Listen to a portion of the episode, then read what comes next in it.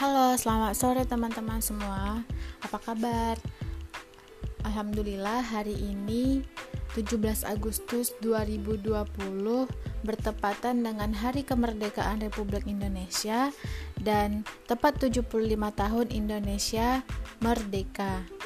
Nah, teman-teman pasti sudah pada tahu semua apa makna dari kemerdekaan Indonesia itu sendiri dan seperti apa perjuangan para pahlawan kita terdahulu yang menjadikan Indonesia dan bangsa Indonesia sendiri bisa terbebas dari para penjajah dan kita bisa hidup seperti sekarang ini.